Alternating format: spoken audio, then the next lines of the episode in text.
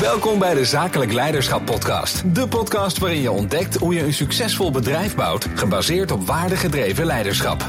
Hier is je host, Bart van den Belt. Hey, hallo en hartelijk welkom bij weer een nieuwe aflevering van de Zakelijk Leiderschap Podcast. Een hele bijzondere gast vandaag, Marieke Pijler, 2019 Rotterdamse Zaakvrouw van het jaar. Uh, auteur inmiddels van Premium Positionering.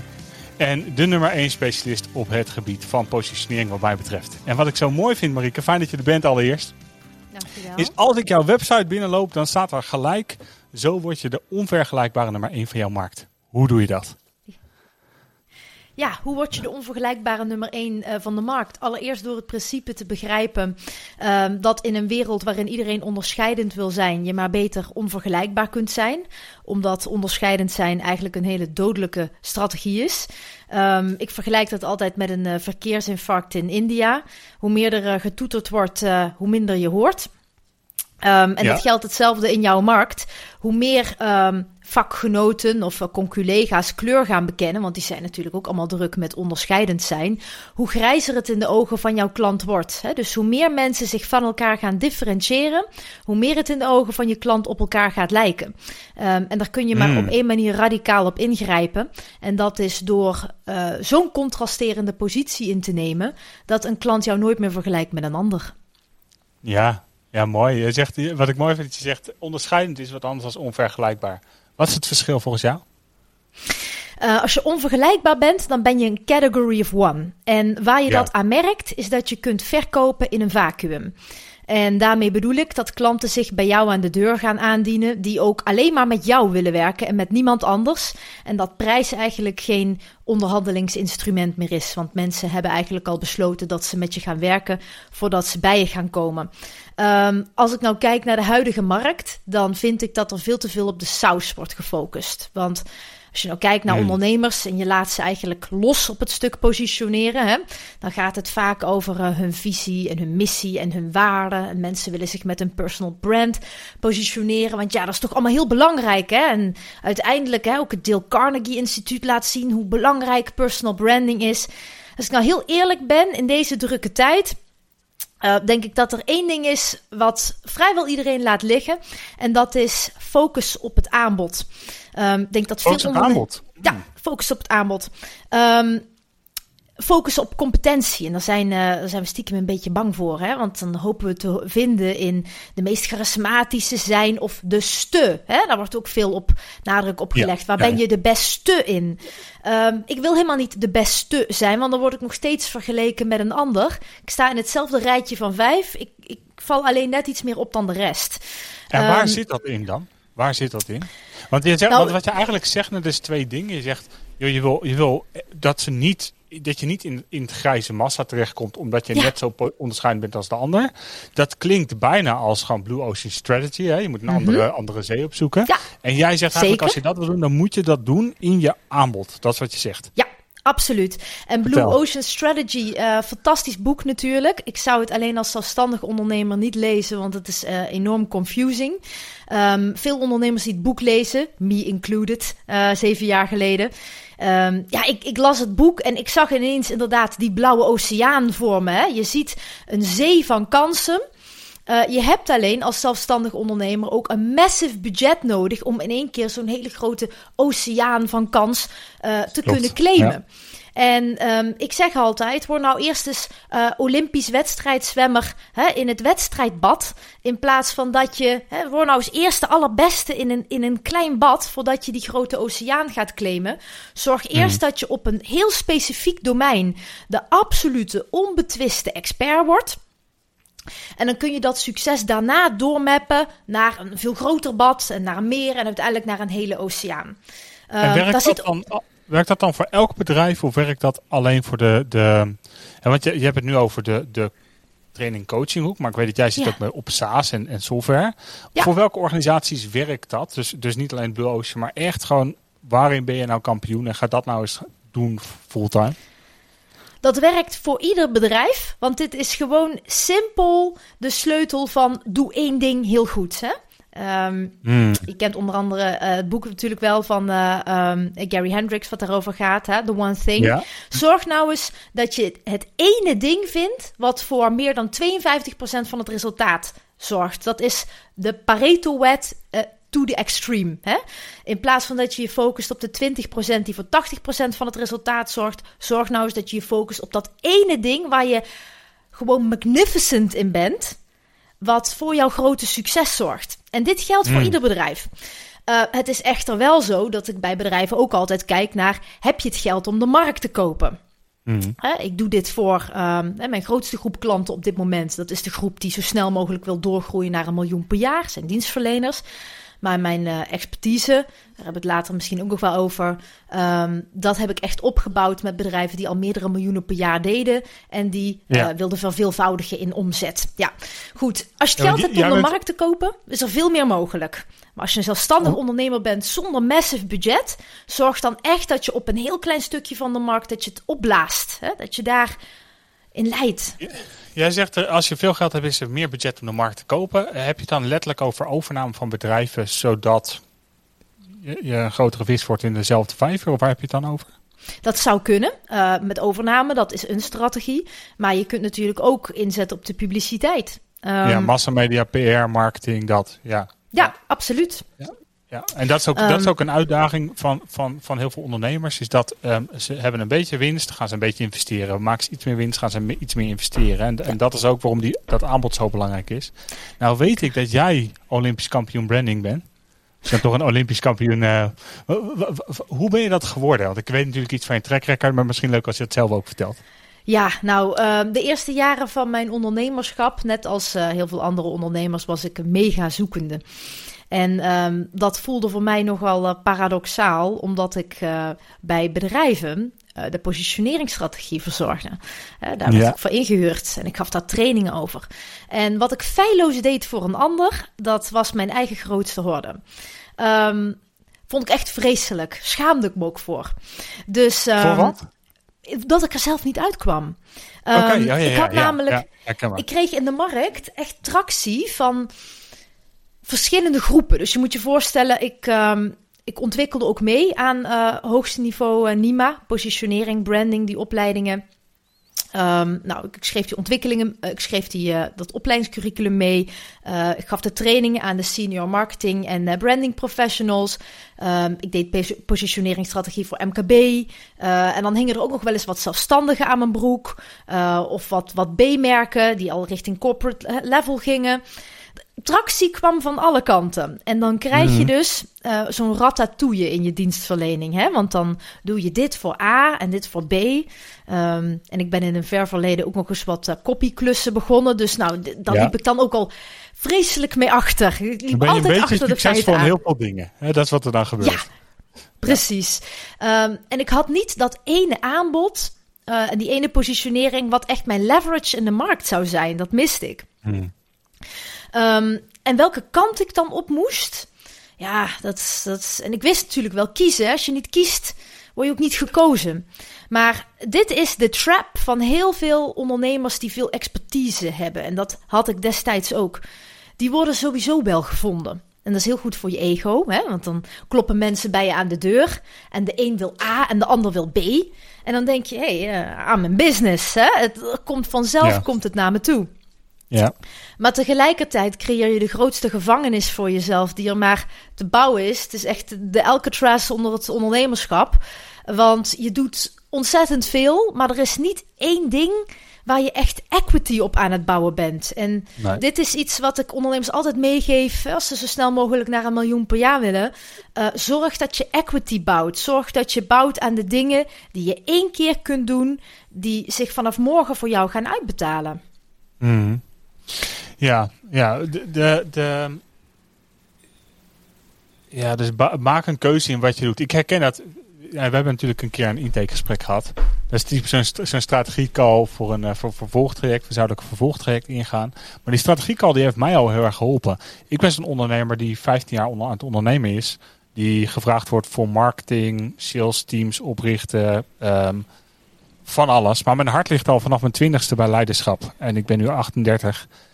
En op een gegeven moment zei je, joh, wat zijn jouw... Jij zei één ding wat mij raakt, waardoor ik hele heldere keuze heb gemaakt. Was maar één dingetje. En dat is, wat zijn... Ik hoor veel shiny objects, zei je. En toen dacht ik, dat is het. Dat is mijn, mijn grootste bottleneck is mijn ego. En toen ging ik eens een lijstje maken met ego wat in de weg stond naar aanleiding van dat gesprek. Je zou heel veel andere dingen die ook heel, heel uh, effectief en nuttig houden. Maar dit was één ding waarvan ik dacht, dit is mijn bottleneck. En toen dacht ik, mijn bottleneck is dat ik alles voor iedereen wil zijn. Omdat ik van iedereen vragen krijg. En, en toen heb ik ook gelijk hele heldere keuzes gemaakt um, uh, in wat ik niet doe. Ja, en dat, dat los van dat we daar tractie op zien in de organisatie, merk ik dat ik gewoon heel veel rust heb als ondernemer. Gewoon door, door die keuze te maken de uitdaging is dat ik moest erkennen dat mijn ego in de weg zat. Wat is voor jou de knop geweest dat je durfde te kiezen? Want daar zitten heel veel. Het weten dat je moet kiezen, dat is één. Maar het kiezen, dat is een ander verhaal. Ja, uh, mooi. Maar allereerst die knop gezeten, wat je dus durfde te kiezen. Ja, nou mooi allereerst uh, wat je zegt.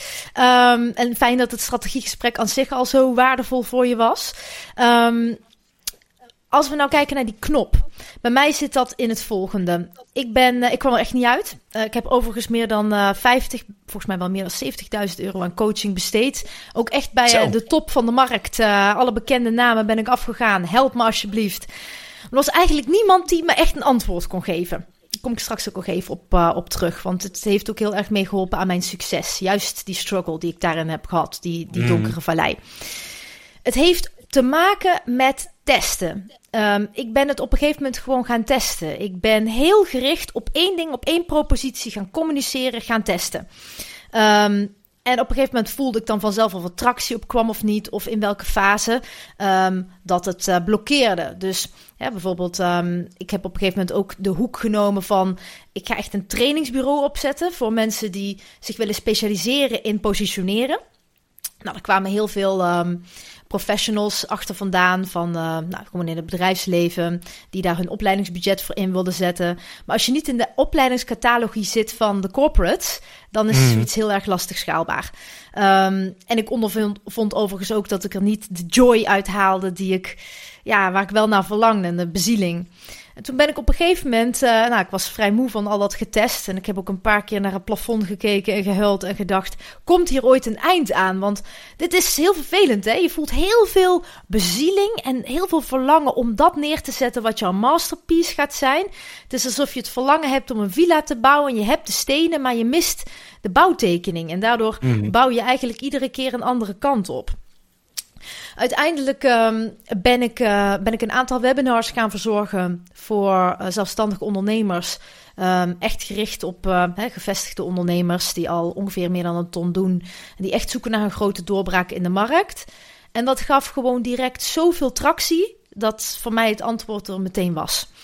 Ja. En um, ik Omdat had dit je dacht, ook... dit is waar vraag naar is. Ja, ik had het ja. ook niet willen doen zonder uh, die struggle. Dus denk dat... Um, nee? Nee. Oh, nee, ik had zo graag veel struggle bespaard gehad bij mezelf. Achteraf ben ik blij omdat ik het heb doorgemaakt. Maar my goodness, het is wel een weg nou, om daar te komen waar je nu bent. Dit is echt, dit was voor mij nodig om tot dit stuk te komen. En het fijne ja. was, uh, ik ben toen eigenlijk gaan kijken naar wat heb ik nou in dit proces gedaan om te vinden wat het goud is. Wat doe ik eigenlijk bij die klanten van zoveel miljoen per jaar, wat ik dus niet op mezelf toepas? Um, ook ik had een shiny object syndrome. Hè. Ik werd continu verblind door allerlei kansen en mogelijkheden. En mensen die zeiden: zullen we samenwerken op dit? Nou, um, en daar ben ik vervolgens mijn eigen methode op gaan schrijven. Die ben ik op mijn klanten gaan inzetten. Waar ik destijds mee startte. En dat is voor mij echt een hefboom geweest. Um, en je vroeg natuurlijk al van wat heeft jou daar nou, hè, uh, ik weet niet wat je zei, de koningin van het positioneren in gemaakt.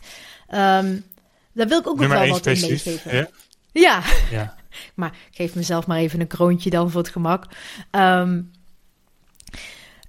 dit is ook iets wat ik zie in de huidige markt. En daarin uh, domineert uh, high-end natuurlijk heel erg. Hè? En, uh, er wordt heel veel over high-end gepredikt. En daar wil ik ook wel gewoon even wat, wat harder in terugspiegelen. Wat voor mij nou echt um, voor een doorbraak gezorgd heeft. Want ik vertelde je, en hè, toen we dit even voorbespraken, al over mijn omzet. Um, mm. Op dit moment, hè, de klanten die gewoon iedere maand bij mij door de voordeur naar binnen komen. En eigenlijk, als ik doormeet, waar komt het nou vandaan? Nou, 40% is marketing en 60% komt gewoon van mijn huidige ja. klanten. We noemen dat um, de R boven de 1 krijgen. Het reproductiegetal van je klanten moet boven de 1 komen. Ja, en als dat exact. boven de 1 is, heb je een zelfstandig groeiend bedrijf. Ja. En hoe krijg je het reproductiegetal nou boven de 1? Productie en service excellent doen. Ja. En relatiebeheer, dat is wat wij zeggen. Dus wij zeggen de, de, de waarde die je levert, het oplossen van problemen met operational excellence doen. En daarna de klant belangrijk genoeg voelen om relatie te beheren. Maar dat begint bij productie en service. En daarom is dat positioneringstuk ook relevant. Hoe, wat is het volgens jou? Ik zou het gewoon in één zin samenvatten als gewoon fucking goed werk leveren. En daarvoor alles doen wat nodig is. En hmm. Ehm, ik zie in deze markt waar high-end domineert al heel veel mensen die. Nou, um, kijk, ik kijk heel simpel naar de wet van supply en demand. Wanneer kun je je prijzen nou fors verhogen? Als de demand, dus de vraag, hoger is dan het aanbod, de supply. Um, ik ben begonnen met hele redelijke prijzen. Uh, waar mijn klanten destijds allemaal ja tegen zeiden. En op een gegeven moment werd de vraag zo hoog. Toen ben ik mijn prijzen gaan verhogen. Dat vonden klanten ook maar heel normaal. Um, maar ik ben nooit bang geweest om met mijn poten in de klei te staan. Um, En aan de andere kant, toen ik begon met business coaching, had ik ook nog best wel wat principes. Uh, ik realiseer me ook dat het best wel kwetsbaar is uh, wat ik nu deel. Um, waardoor ik uh, een heel groot verantwoordelijkheidsgevoel had voor klanten. En dat heb ik mm. overigens nog steeds. En ik heb heel lang gedacht dat daar iets mis mee was. Want coaches zeiden altijd tegen mij: nee. Oh, dit, ik, ehm, wacht Ik hou, ik, hou de, ik hou van het gesprek, de kant waar het gesprek over gaat. Omdat dit was een heel discussiepunt tijdens de training die ik vrijdag gaf. Ja. Dit verhaal over je verantwoordelijkheid voelen voor een klanten. En jij zegt: ik voelde mij een tijd verantwoordelijk voor mijn klanten. Vreselijk verantwoordelijk. Ik voelde me iets te verantwoordelijk. Um, en overigens, mm. ik voel me nog steeds verantwoordelijk, maar op een heel gezond niveau. Ik zie inmiddels mm. dat dat gewoon heel veel liefde voor de klant is. Ik heb heel veel liefde en toewijding voor mijn klanten. En bij mij gaat die vlieger niet op van ja, ja, maar het is ook het proces van de klant. Hè? Je moet het wel bij de klant laten.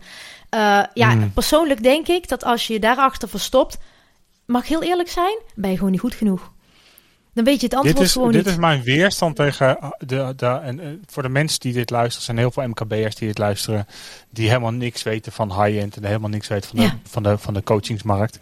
Um, uh, er is in onze coachingsmarkt, zeker in business coachingsmarkt, da daarom is voor mij een van de redenen dat wij Business Coach Nederland hebben opgezet om de kwaliteit te verbeteren in deze markt. Er is een hele grote groep die, die high-end predikt, hoge bedragen om de hoge bedragen. Dus het gaat om het eindresultaat voor de coach en niet over hoe we de klant zo goed mogelijk helpen. En wat Marieke hier uitlegt, wat jij hier uitlegt, is het gaat erom om die klant zo goed mogelijk te helpen en daar ook voor durven te gaan staan en dat te positioneren. Ik denk dat dat, dat, dat uh, eh, 100% waar is, dat dat wat je te doen hebt dat verantwoordelijk voelen voor de klant. Wat, wat ik altijd zeg is, ik, er zijn twee verantwoordelijkheden. Mijn verantwoordelijkheid is om een proces in te richten die excellent is, waardoor je echt geholpen kan worden en je aan de voorkant vertellen wat je wel en niet kan verwachten. En die moeten met elkaar matchen. Op het moment dat je het proces instapt, zijn wij verantwoordelijk om je op weg te helpen en de stappen te zetten, maar jij bent verantwoordelijk voor de uitvoering. Als je, we hebben ook een unieke belofte, net als jij. Onze unieke belofte is als je, de, als je fundament van groei hebt gedaan. Je hebt aan het einde van, van, de, uh, van het traject niet je uh, investering meervoudig terugverdiend. Ga ik je persoonlijk net zo lang coachen totdat het wel zo is. Het is nog nooit gebeurd. En ik, en ik bel iedereen naar persoonlijk. Ja. De, dus, maar dat gaat erover dat, dat er is een gedeelte verantwoordelijkheid. Maar je bent, je bent niet verantwoordelijk voor de resultaat van de klant. Je bent verantwoordelijk voor de begeleiding van de klant. En dat excellent doen. Hoe zie jij dat? Nou, dat ben ik met je eens. Um, ik vind het leuk om te horen in je verhaal dat je met een garantie werkt. Dat doe ik zelf ook. Er zijn veel mensen bang van. Dus dat vergt moed hè, als je met een garantie durft te werken. En dan niet zo'n garantie die helemaal is uitgekleed, waar eigenlijk niks staat. Maar dat je zo overtuigd bent van je eigen kunnen dat je zegt: ik ga dat gewoon voor die klant regelen. En de weerstand die ik daar vaak op krijg, um, is dat ondernemers, zelfs ook mijn klant hoor, met name in de beginfase van onze samenwerking, dan zeggen: ja, maar wat als die klant dan zijn werk niet doet? Nou, een paar dingen die ik daarover wil zeggen. Eén, uh, als ik een strategie heb, gesprekken, als ik een strategiegesprek heb met klanten, zo, dan selecteer ik bij de voordeur.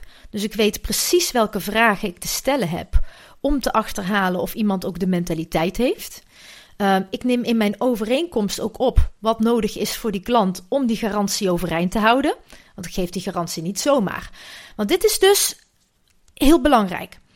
Ja, ik voel mij ontzettend verantwoordelijk voor het succes van mijn klanten. Maar waar je als coach niet in terecht wilt komen, dat is een soort misbruikenergie. En dat klinkt misschien wat zwaar, maar je wilt niet dat jij denkt dat je het beter kunt dan die klant. Dus dat jij maar aan het stuur gaat staan. Zo van, nou, ik doe het wel voor jou, want dan komt het zeker goed. Want daar krijg je leunende klanten voor. En je wilt dat die klanten zelf... dan, hè? Je krijgt geen eigenaars.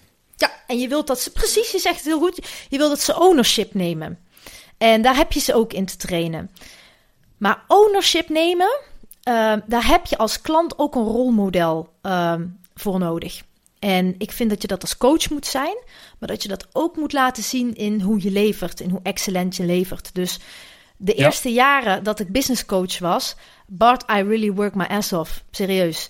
Um, het was niet uh, zoveel mogelijk omzet in zo min mogelijk tijd. Uh, halveer je werkuren. Nee, niks. Ja. Ik werkte gewoon keihard. Ja. Had, ik het, had ik het voor een klant nog niet gekraakt, dan ging ik net zo lang door totdat ik het wel gekraakt had.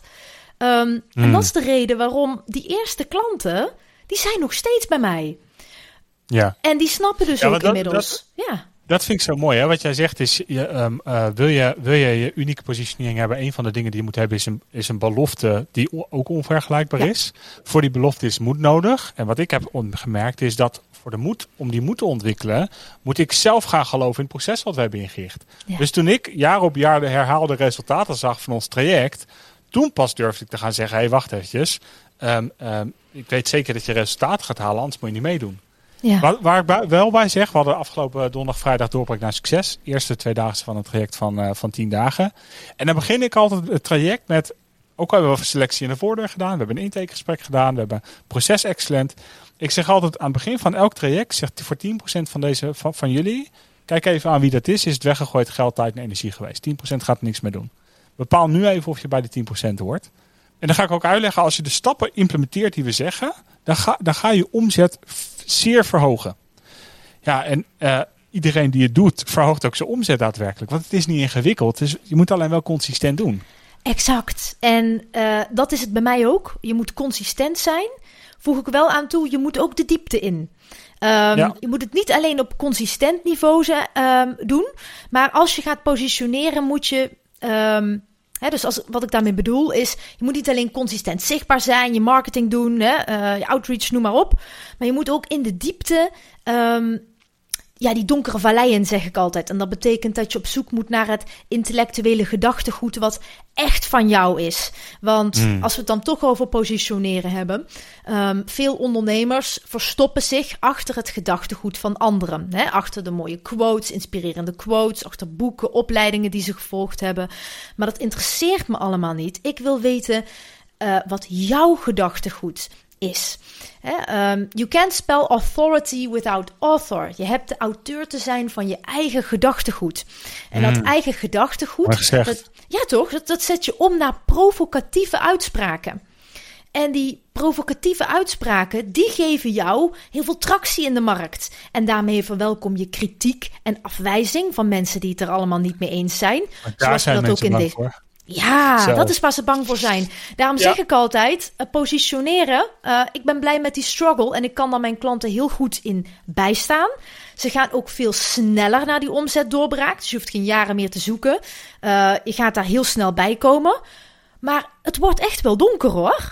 want mm. je gaat met je ego op links en je innerlijk kind op rechts ga ja. je de diepte in. En dat is gewoon allemaal heel kwetsbaar. Maar wat, maar, wat ik wel interessant vind, is jij zegt, pro, pro, hè, dus je hebt een gedachtegoed. In plaats van dat je het jat van anderen, creëer je eigen gedachtegoed. Daaruit kom, komt ook visie voort op, op wat wel en niet werkt. Hè. Dus je wordt ja. provocerend in de markt en daar krijg je weerstand op. Um, ik, wat ik altijd train is vertrouwen voor een persoon gaat over twee dingen. Credibility en likability. Dus ja. het credibility part gevinkt. Hè, dus dat is, uh, dat is um, provocerend autoriteit. Maar likability gaat ook over een stuk kwetsbaarheid. Hoe zie jij kwetsbaarheid in je positionering? Oh, die horen daar allebei in thuis. Um, ik noemen het net je... ook, wordt nu heel kwetsbaar. Terwijl ik denk, ja, maar dat is wat we willen zien van, van je. We willen, we, willen, ja. we willen de mens achter de professional ook zien. Nou, ik denk dat veel van je intellectueel eigendom, van je eigen gedachtegoed, ook ontstaat in interactie met je persoonlijke verhaal. Mm. Dus dat kun je daar niet van, van afsplitsen. Er is niet zoiets als, nou, uh, dit is mijn gedachtegoed. Het is allemaal zakelijk en dat richt zich allemaal op dit. Dat is altijd gevormd hè, door de pressie die het kreeg met jou als persoon. En als je dat verhaal niet vertelt, dan dan komen er slechts parts door bij je klant. Ja, ja en, en uh, veel, veel coaches zijn geneigd om dit te doen in de derde persoon. Dus dan zeggen ze wat veel ondernemers doen is, in plaats van wat ik heb meegemaakt, is dit. Dat was echt heel zwaar. Ja.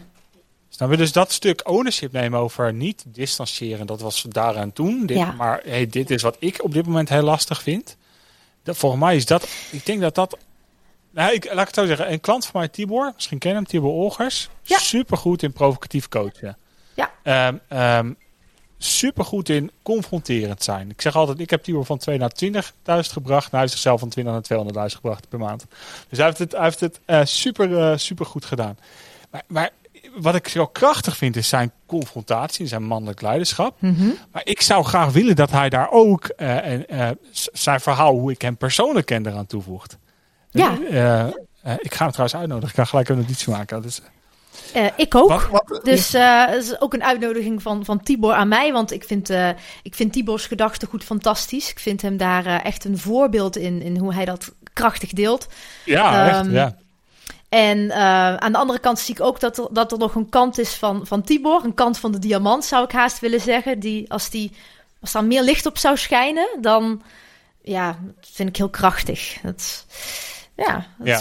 genoeg over, genoeg over Tibor, maar de vraag is dus, wil, je ook het kwetsbare en persoonlijke stuk laten zien? En ik kom vanuit de andere kant, hè, dus ik, ben, ik kom vanuit, uh, ik noem dat het sukkel naar succesvol verhaal wat ik ooit heb geleerd, wat ik moest vertellen. Een verhaal wat over mij ging, maar wat ook niet over mij ging, want mijn echte verhaal vertelde ik niet.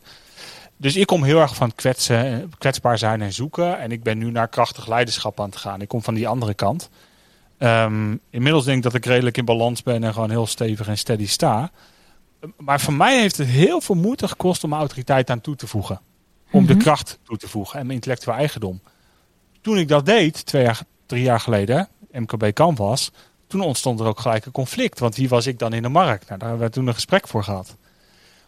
Nu ik door heb, hey, mijn, mijn intellectueel eigendom is een systeem wat zelfstandig kan draaien en zelfstandig kan groeien. Doordat het intellectueel eigendom is, en hier ben ik als krachtig leider die zakelijk leiders ontwikkelt. Met kwetsbaarheid en kracht. Um, uh, nu merk ik, hey, dit is een systeem wat naast mij als systeem kan draaien. Snap je wat ik bedoel? Mm -hmm. En uh, zeker, daar zit, daar zit je equity in. Um, daar hoef jij niet per se aan verbonden te zijn. Maar waarom heb je dat zo lang uitgesteld, dat intellectueel eigendom?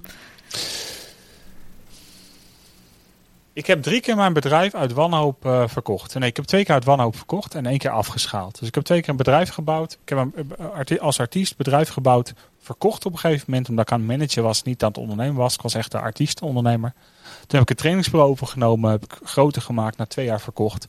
Toen de Zakelijk Succesacademie. En toen we post-HBO geaccrediteerd waren als enige in Nederland. Toen heb ik, heb ik alles weer afgeschaald omdat ik zelf voor die groep wilde staan. En de essentie is eigenlijk cashflow. Dus op het moment dat ik in level 4 van leiderschap kwam, toen kwam er te weinig binnen om een organisatie te gaan draaien. Dus ging ik het zelf weer doen. Hmm. En nu ik daar doorheen ben, en daar is een stuk financiering voor nodig geweest, nu merk ik, hey, het is een zelfstandig draaiend systeem wat zonder mij kan groeien. En waarvan de impact van intellectueel eigendom dus veel groter is dan als ik het alleen had gedragen. Ja, mooi. Dat is, dat is voor mij de, ja, dus even een lang verhaal kort, is dat de reden geweest. Het, dus um, uh, praktisch is cashflow en mentaal was het, ja, uh, uh, gaan andere mensen ik, ik heb hier een visie op, maar vinden andere mensen dat deze visie klopt ook? Ja, en um, daarin hoor je ook weer uh, The Courage to be Disliked. is overigens een boekentip, uh, mocht uh, iemand geïnteresseerd zijn. The Courage to be Disliked. Dan weet ik alles lezen, hè, als ja, je het zegt. um, moeten anderen ja. het daar per se mee eens zijn? ik denk dat veel mensen met een provocatief uh, gedachtegoed. Uh, net noemde je Tibor al. En uh, Tibor deelt ook wel eens wat dingen waarvan ik in eerste instantie denk van zo, nou, daar ben ik niet mee eens. En dan laat ik het even op me inzinken, omdat ik ja. open sta om te leren. En dan denk ik, ja, fuck man, je hebt een punt. En ehm, dat is ja, krachtig. Weerstand is moment om te leren. Ja. ja, juist die weerstand opzoeken. Dat, dat vind ik ontzettend knap. Dus dat kenmerkt ook een leider. Dat je durft te zeggen. Hè, uh, ik, ik, weet ook dat er veel mensen gaan meeluisteren die het absoluut niet leuk vinden wat ik zeg over high-end. Dat interesseert me niks, want ik denk dat ik die boodschap te brengen heb Overigens, het originele high-end gedachtegoed is een fantastisch gedachtegoed. Waar ook veel commitment aan zit. Een heel hoog commitment aan de hoogste transformatie van de klant. En niet, ja, hoe doe ik het in zo min mogelijk tijd met zoveel mogelijk uh, in een groepje en uh, geef alle schapen hetzelfde brok en uh, het ja, zal wel. Kijk, ja. je wilt je, je zaak bouwen op competentie. Je wilt het goed positioneren. En je wilt niet zelf exclusiviteit hoeven af te roepen over jezelf en zelf een voetstuk hoeven te bouwen, want dat donder hmm. je gegarandeerd een keer af. Het zij door het gerammel van klanten, dan wel door de recessie die binnenkort aan de deur gaat rammelen. Competentie is een natuurwet. En ik geloof dat alle klanten die bij mij door de deur komen, dat is dan ook weer zo ironisch, die zijn allemaal vreselijk goed in wat ze doen. Het is alleen mistig voor hun ogen, onder andere door zo'n shiny object syndrome, hoe ze dat nou op de meest lucratieve manier zo kunnen inzetten en ook nog daar een garantie op durven af te geven, omdat ze er zelf ook in geloven. En hoe ze die klanten selecteren die daar geen misbruik van maken en al doet 2% dat wel, zo so be it, verwelkom die 2% ook. Maar omdat. Maar die angst, ik snap, die angst is helemaal niet. Ik snap die angst, hè, dat had ik vroeger ook. Wat als ik mijn boek voor 20 euro, mijn, boek, mijn, mijn boekenbox uh, hierachter, dat is gewoon een, dat zijn vijf boeken die feitelijk een volledige opleiding in een boekenbox zijn. Maar ik vond het zo moeilijk om dat te schrijven, want wat als iedereen het gaat lezen en gaat doen? Ja, wacht even, dan heb ik heel veel mensen geholpen. Nu staan al mijn boeken, eh, inmiddels negen audioprogramma's, tien audioprogramma's, staan gratis op Spotify. Waarom? Omdat, omdat ik zie, sowieso longtail heeft het effect op mijn business. Maar, maar we helpen gewoon zoveel meer mensen daarmee. Ja. En, en wat ik zo tof vind, is jij zegt het gaat over um, um, het positioneren van jezelf en het, het committen, committeren aan de hoogste transformatie van je klant. Je kan een klant niet helpen naar transformatie als je zelf niet de bereidheid bent om in te stappen bij die klant. Om mentaal in te stappen bij die klant. Ja, dat, ik denk dat het heel mooi is. Is dat ook wat je bedoelt met business energetics? Want jij zegt altijd, er zijn drie, drie adviseren, adviezen die ik heb om de nummer één positionering in je markt te worden. Strategisch positioneren, high performance, hebben we het over gehad. En de derde is business energetics. Wat is dat dan voor jou?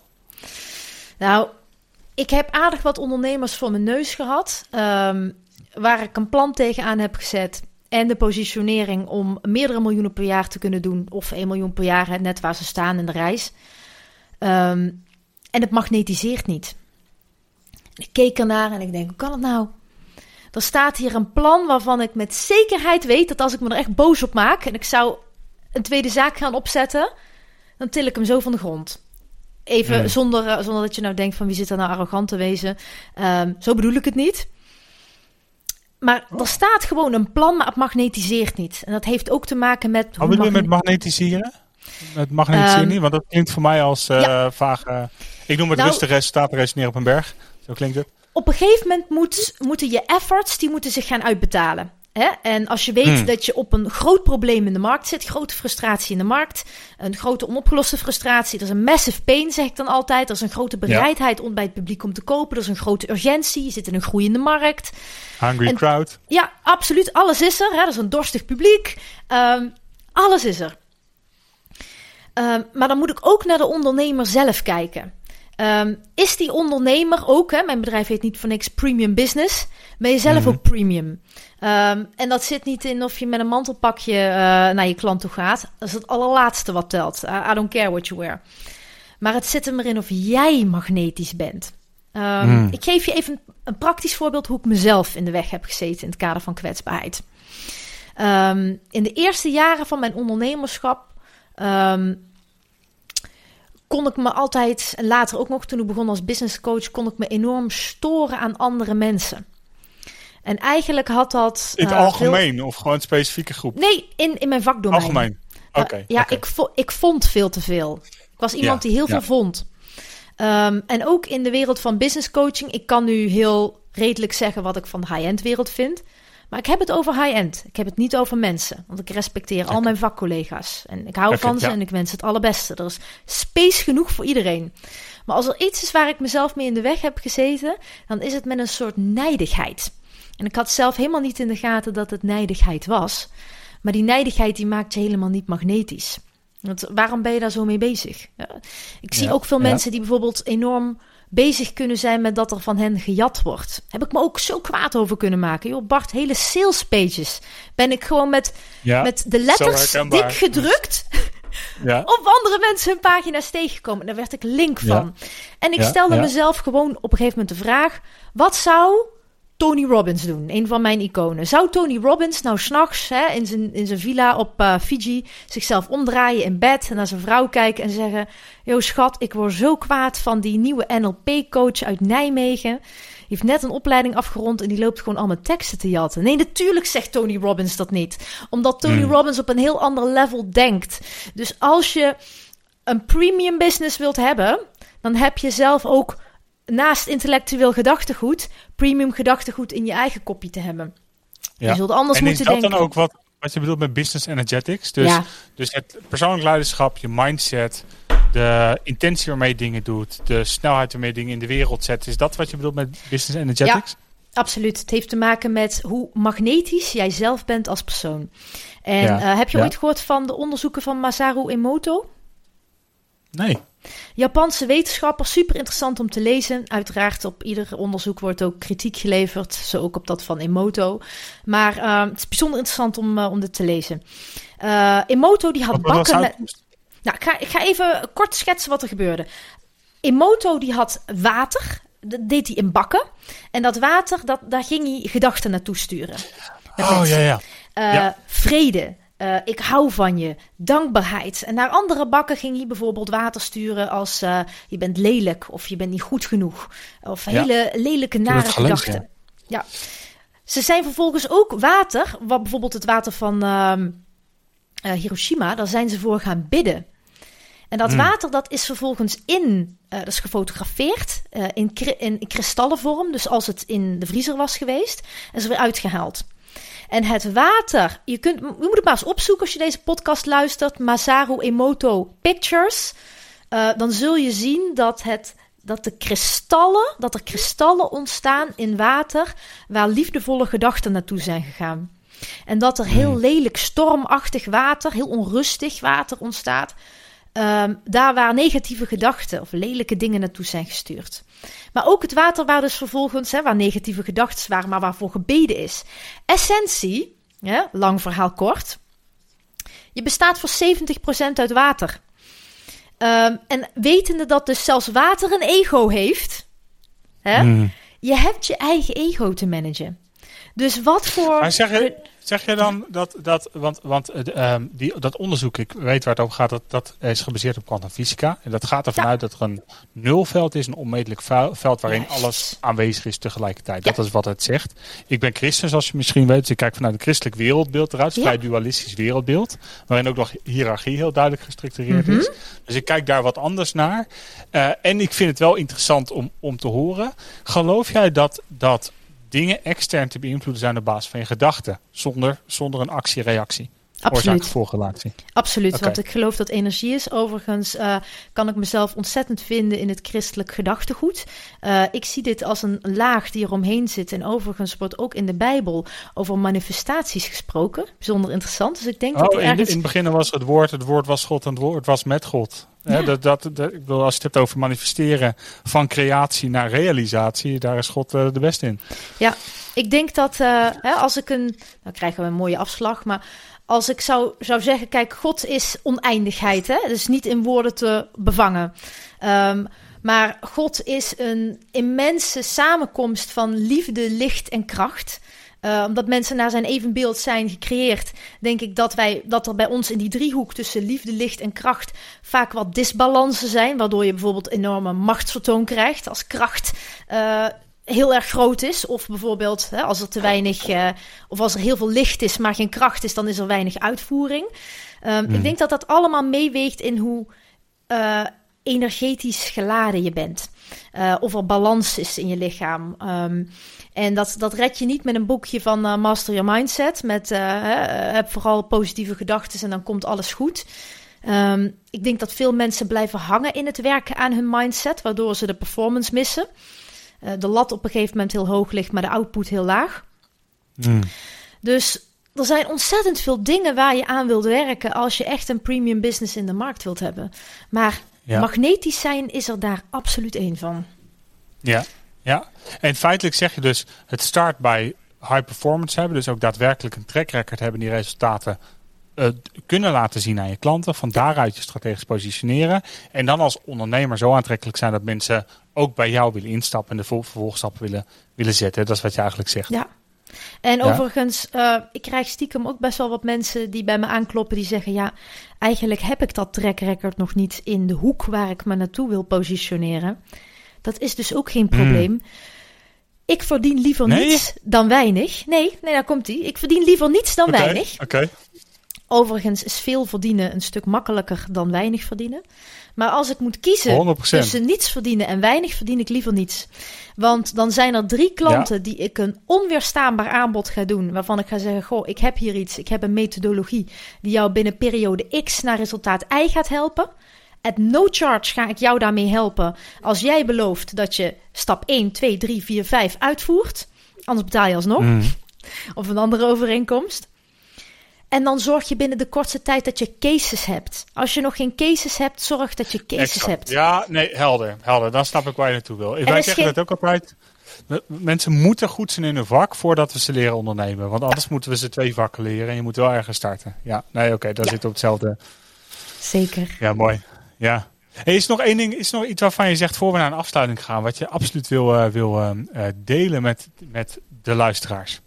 Nou, uh, mijn boek komt uit in 2023. Dat, ja, het is inmiddels 2023. We, we, nemen dit voor de luisteraar iets eerder op in, uh, in november.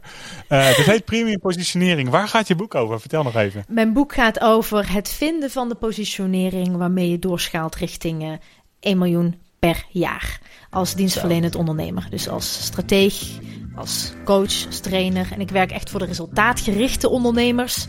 Ja. Uh, geen luchtkastelen, big business. Dat, uh, dat is waar het boek over gaat. Tof, tof. En wat zou jouw nummer 1 tips zijn uit het boek waarvan je zegt dat kunnen ze vandaag gaan doen? Oh, dat zijn er zoveel. Maar ik zou zeggen, nu uh, stop met die valse bescheidenheid en claim je eigen gedachtegoed. Mooi. Stop met die valse bescheidenheid, claim je eigen gedachtegoed. wil je meer informatie over Marika? Ga naar premiumbusiness.com. zeg ik het goed zo? Ja, hè? Zeker weten. Ja. Dankjewel, Bart. Marika Pijler. En uh, ik vond het heel erg tof om je te gast te hebben. Dankjewel en heel veel succes. En koop het boek Premium Positionering van Marike. Maak er een mooie dag van en tot een volgende keer. Hi.